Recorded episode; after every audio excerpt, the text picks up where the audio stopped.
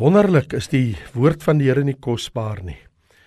Kom ons bid saam. Vader, dankie vir u lieflike woord. Ons bid dat dit heerlik en goddelik tot ons harte sal spreek in hierdie oomblikke in Jesus lieflike naam. Amen. So, ons kyk nou na Lukas en lees saam in Lukas hoofstuk 1 vers 5. Onthou jy hierdie baie baie interessante gebeure in jou Bybel? Daar was in die dae van Herodes koning van Judea, 'n sekere priester met die naam van Sagaria uit die afdeling van Abia, en sy vrou was uit die dogters van Aaron en haar naam was Elisabeth. En hulle was albei regverdig voor God en het in al die gebooie en regte van die Here onberispelik gewandel.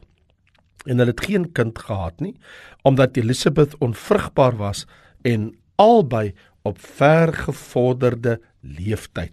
En terwyl hy besig was om die priestersamp voor God te bedien en die beurt van sy afdeling, het die lot volgens priesterlike gewoonte op hom geval om in te gaan in die tempel van die Here en reukwerk te brand. En die hele menigte van die volk was buite, besig om te bid op die uur van die reukoffer. Toe verskyn daar aan hom 'n engel van die Here wat aan die regterkant van die reukofferaltaar staan. En toe Sagaria hom sien, was hy ontsteld en vrees het hom oorval. Maar die engel sê vir hom: Moenie vrees nie, Sagaria, want jou gebed is verhoor en jou vrou Elisabeth sal vir jou 'n seun baar en jy moet hom Johannes noem. En hy sal blydskap en verheuging vir jou wees en baie sal oor sy geboorte bly wees, want hy sal groot wees voor die Here en wyn en sterk drank sal hy nooit drink nie. En hy sal vervul word met die Heilige Gees reeds van die skoot van sy moeder af. En hy sal baie van die kinders van Israel bekeer tot die Here hulle God. En hy sal voor hom uitgaan in die gees en die krag van Elia om die harte van die vaders terug te bring tot die kinders en die ongehoorsaames tot die gesindheid van die regverdiges om vir die Here 'n toegeruste volk te berei. Toe sê Sagaria vir die engel Waarin sal ek dit weet? Want ek is 'n ou man en my vrou is op vergevorderde leeftyd. En die engel antwoord en sê vir hom: Ek is Gabriël wat voor God staan.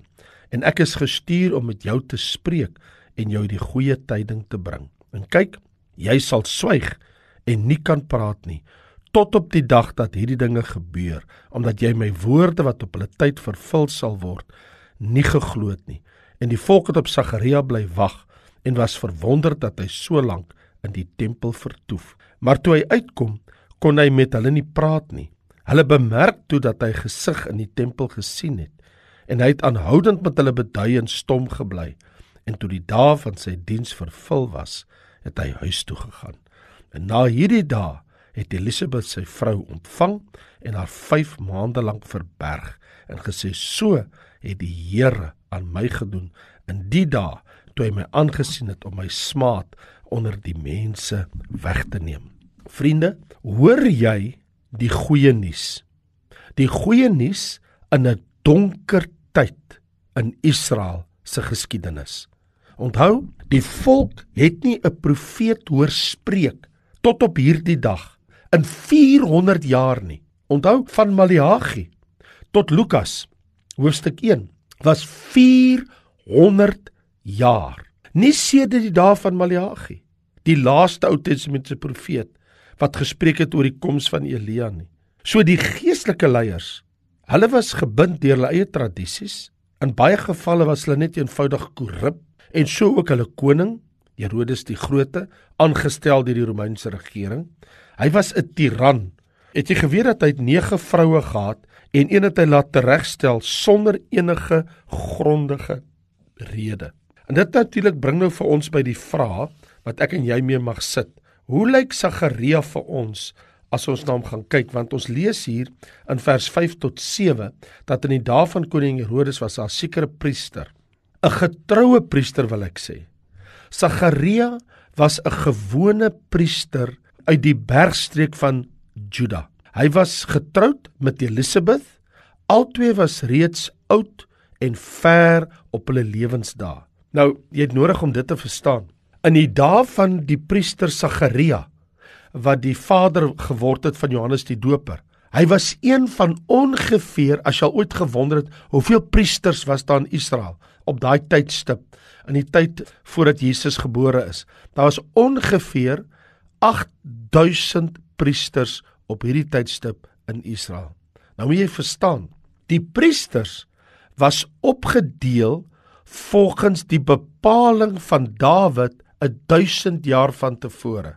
Hulle was ingedeel in 24 afdelings na die Babiloniese ballingskap en elke divisie van 24 het bestaan uit 300 priesters. En Sagaria se divisie was die 8ste van Abia. Dit beteken as jy 'n priester was, dan dien jy as priester vir 2 weke lank. 2 weke, dit wil sê week 1, week 2 in periode in 2 periodes in 'n jaar. Daai 2 weke word opgedeel in 2 periodes in 'n jaar. So dit beteken elke dag dien 56 priesters wat gekies was deur die lot wat hulle gewerp het. Die lot word elke dag gewerp.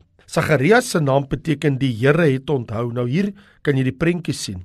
Sagaria en Elisabeth het geen kinders van hulle eie gehad nie. Dit was twee regverdige mense, sê die Bybel, wat nog nooit 'n kind gehad het nie. Nou, behalwe dat ons hier kyk na getroue priester, hy was vreesbevange, want op die betrokke dag toe die lot gewerp was om te sien of te bepaal watter priester sal watter bediening vandag by die tempel moet vervul en waarneem. In daai dag het die lot geval op Sagaria. Sy werk was hy moes die reukwerk in die heiligdom in die tempel aan die brand steek. Dit was sy werk daai dag. Dit was die oomblik van die grootste hoogtepunt van Sagaria se hele lewe. Dis die absolute toppunt. Daardie eer om die reukwerk van die Here te bring in die heiligdom is die wonderlikste gebeurtenis in sy aardse bestaan. Onthou, dit is 'n eenmaal in jou lewe gebeurtenis. Ek weet nie of jy daarvan bewus is nie. Het jy geweet geen priester in Israel was toegelaat om daardie offer meer as een keer in sy lewe te bring nie. So hier het ons ou Sagaria die bloed vloei deur sy are, die adrenalienvlakke loop hoog en sy hele liggaam bewe en hy weet hy moet volle aandag gee aan elke detail wat hy nou gaan doen want hy gaan nou vir die eerste keer in sy lewe gaan hy in die heiligdom in. Hy was nog nooit daar binne nie. Want dit is nou die eerste keer in sy hele lewe wat hy dit gaan beleef. En sekerlik moes dit deur hierdie ou man se kop geflits het Wag tot Elisabeth hoor wat met my gebeur het, dat die lot op my geval het en ek het die voorreg gehad om die reukwerk vir die Here aan die brand te gaan steek. En so buite in die voorhof van die priesters waar die offers gebring word, is daar baie getroue aanbidders besig om te bid, want die teks sê ook en die hele menigte van die volk was buite besig om te bid op die uur van die reukoffer. Want hier is Sagaria, hy's binne in die heiligdom En die oomblik wat Sagaria die heiligdom betree, wat sien hy? Toe hy by die gordyn verbystap wat hy in die heiligdom inkom, voor hom, reg voor hom, sien hy die geborduurde gordyn van die heilig der heilige met gerubs daarop geborduur. Aan sy linkerkant sien hy en aan sy regterkant sien hy. Wat sien hy? Hy sien die tafel met toonbrode en hy sien 'n goue kandelaar met sewe lampe wat brand. Maar reg voor hom, voor die gordyn, sien hy die goue reukofferaltaar, so neffens voor die geborduurde gordyn. In Sagaria stap stadig nader na die altaar en hy berei dit voor soos wat hy geleer was al die jare wat hy die reukwerk moet bring die dag as hy daar moet ingaan om dit aan die brand te steek sodat dit kan opstyg na God in soet gebed. En skielik asof van nêrens verskyn daar 'n engel langs die reukofferaltaar sê vers 11 aan die regterkant daarvan. Natuurlik moes die verskyning van hierdie engel so grootse gebeurtenis gewees het dat dit Sagaria absoluut aangegryp het. Want die Bybel sê hy bang geraak, vrees ontsteltenis het hom aangegryp. Vers 12 sê hy was ontsteld, vrees het hom aangegryp. Maar die engel sê moenie vrees nie Sagaria, jou gebed is verhoor. So hier het ons 'n beloofde seun, want die engel sê vir hom jou vrou Elisabeth sal vir jou seun baar en jy moet hom Johannes noem. Dit was elke priester se droom om 'n seun te hê om eendag sy plek te vul wanneer hy nie meer daar is nie. Moenie vrees nie. En hierdie is 'n 'n profesie wat uitgespreek is. Jou vrou Elisabeth sal vir jou 'n seun baar en jy moet hom Johannes noem. So die engel Gabriël spreek 'n profesie uit, iets wat in die toekoms gaan gebeur. En dit is nie gehoor sedert die dae toe die Ou Testament gesluit is 400 jaar van tevore nie. Gabriël se openingssin tref hierdie ou man soos 'n donderslag. Hierdie ou man hoor soos wat ou Abraham op sy ou dag gehoor het. Jou vrou soos Abraham gehoor het by God, jou vrou Sara gaan vir jou seun baar. Hoor ou Sagaria, jou vrou Elisabeth gaan vir jou 'n seun baar en jy moet hom Johannes noem. Johannes beteken God was genadig of God het guns betoon of God gee genadiglik 'n gawe uit die onvrugbare moederskoot van Elisabeth. En die Bybel sê dat die engel sê hy sal blydskap en verheuging vir jou wees. Baie sal oor sy geboorte bly wees. Hy sal geen wyn of sterk drank drink nie en hy sal met die Heilige Gees vervul wees van sy moederskoot af.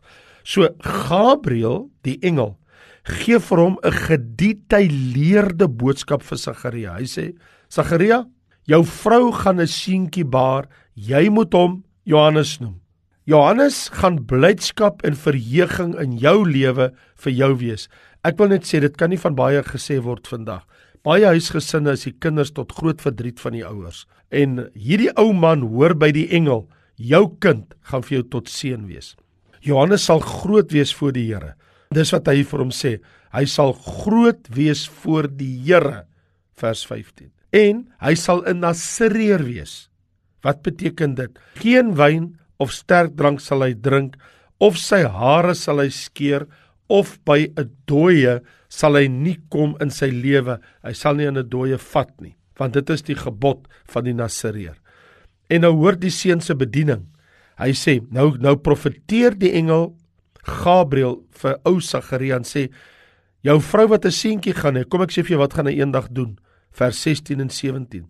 Hy sal baie van die kinders van Israel bekeer tot die Here hulle God. Hy sal uitgaan voor die Here in die gees en krag van Elia en die harte van die vaders sal hy terugbring tot gehoorsaamheid en so sal hy vir die Here 'n toegeruste volk berei.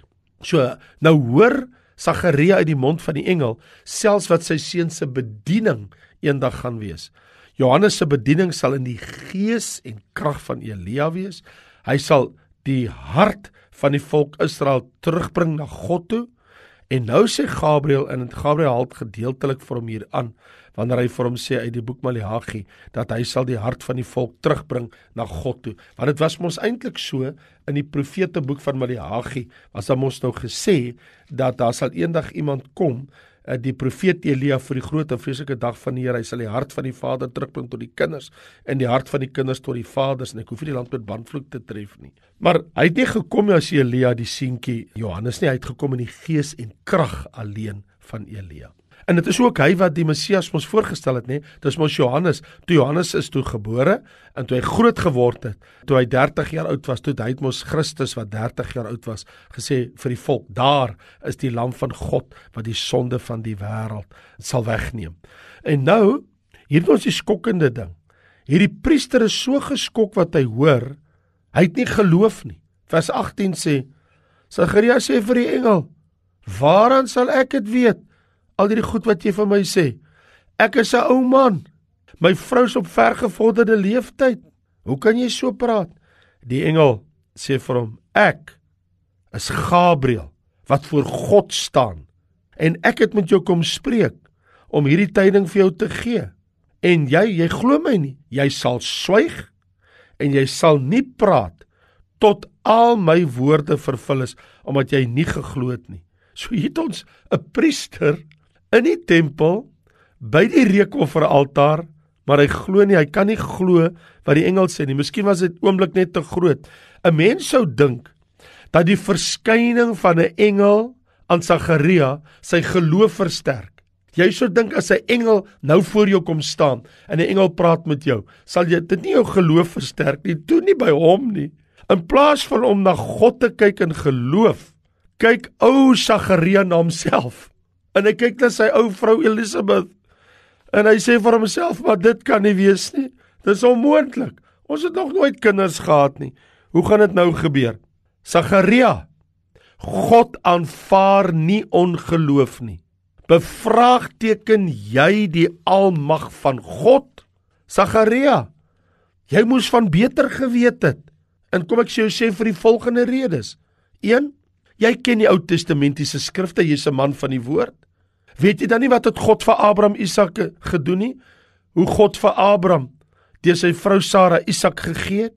En Sagaria, jy's 'n priester van God. Jy's 'n regverdige Jy's 'n Godvreesende man.